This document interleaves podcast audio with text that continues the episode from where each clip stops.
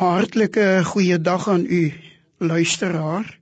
Ek wil met u praat oor die Gees maak ons vry.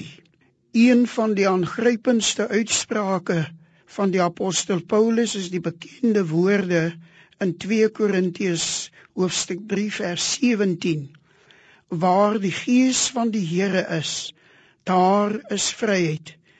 Die apostel gebruik hierdie woorde in verband met sy betoog dat sy volksgenote die Ou Testament lees sonder om die boodskap daarvan werklik te verstaan. Die rede daarvoor sê hy is dat daar 'n sluier oor hul verstand is sodat hulle eenvoudig die skrif nie verstaan nie.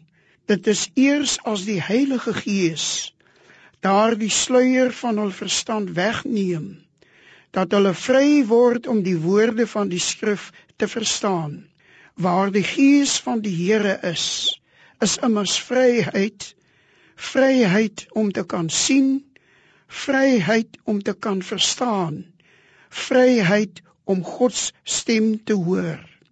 Geestelike dinge kan alleen deur die gees van God verstaan word. Die gees moet ons eers bevry van ons geestelike blindheid en vooroordeele voordat ons kan sien waarom dit in die skrif gaan. Daarom gebeur dit dikwels dat mense wat volgens ons natuurlike norme onintelligent sou heet, tog 'n merkwaardige geestelike insig kan hê.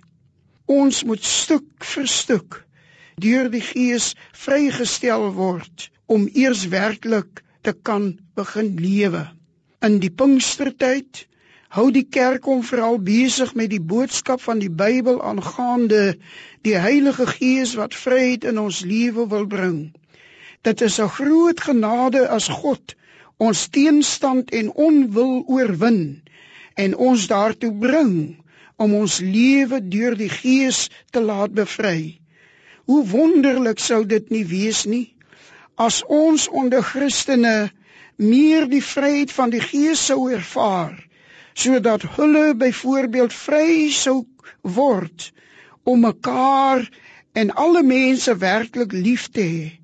Bereid sou word om te gee eerder as om te ontvang, om die minste te wees eerder as om oor ander te heers en om in die algemeen los te kom van benepenheid en kleinlikheid, selfsug en eie geregtigheid As iets daarvan in hierdie tyd in ons lewe sigbaar word, sal ons 'n verrykende Pinkster beleef.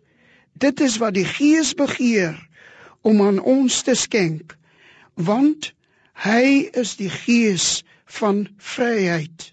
Amen.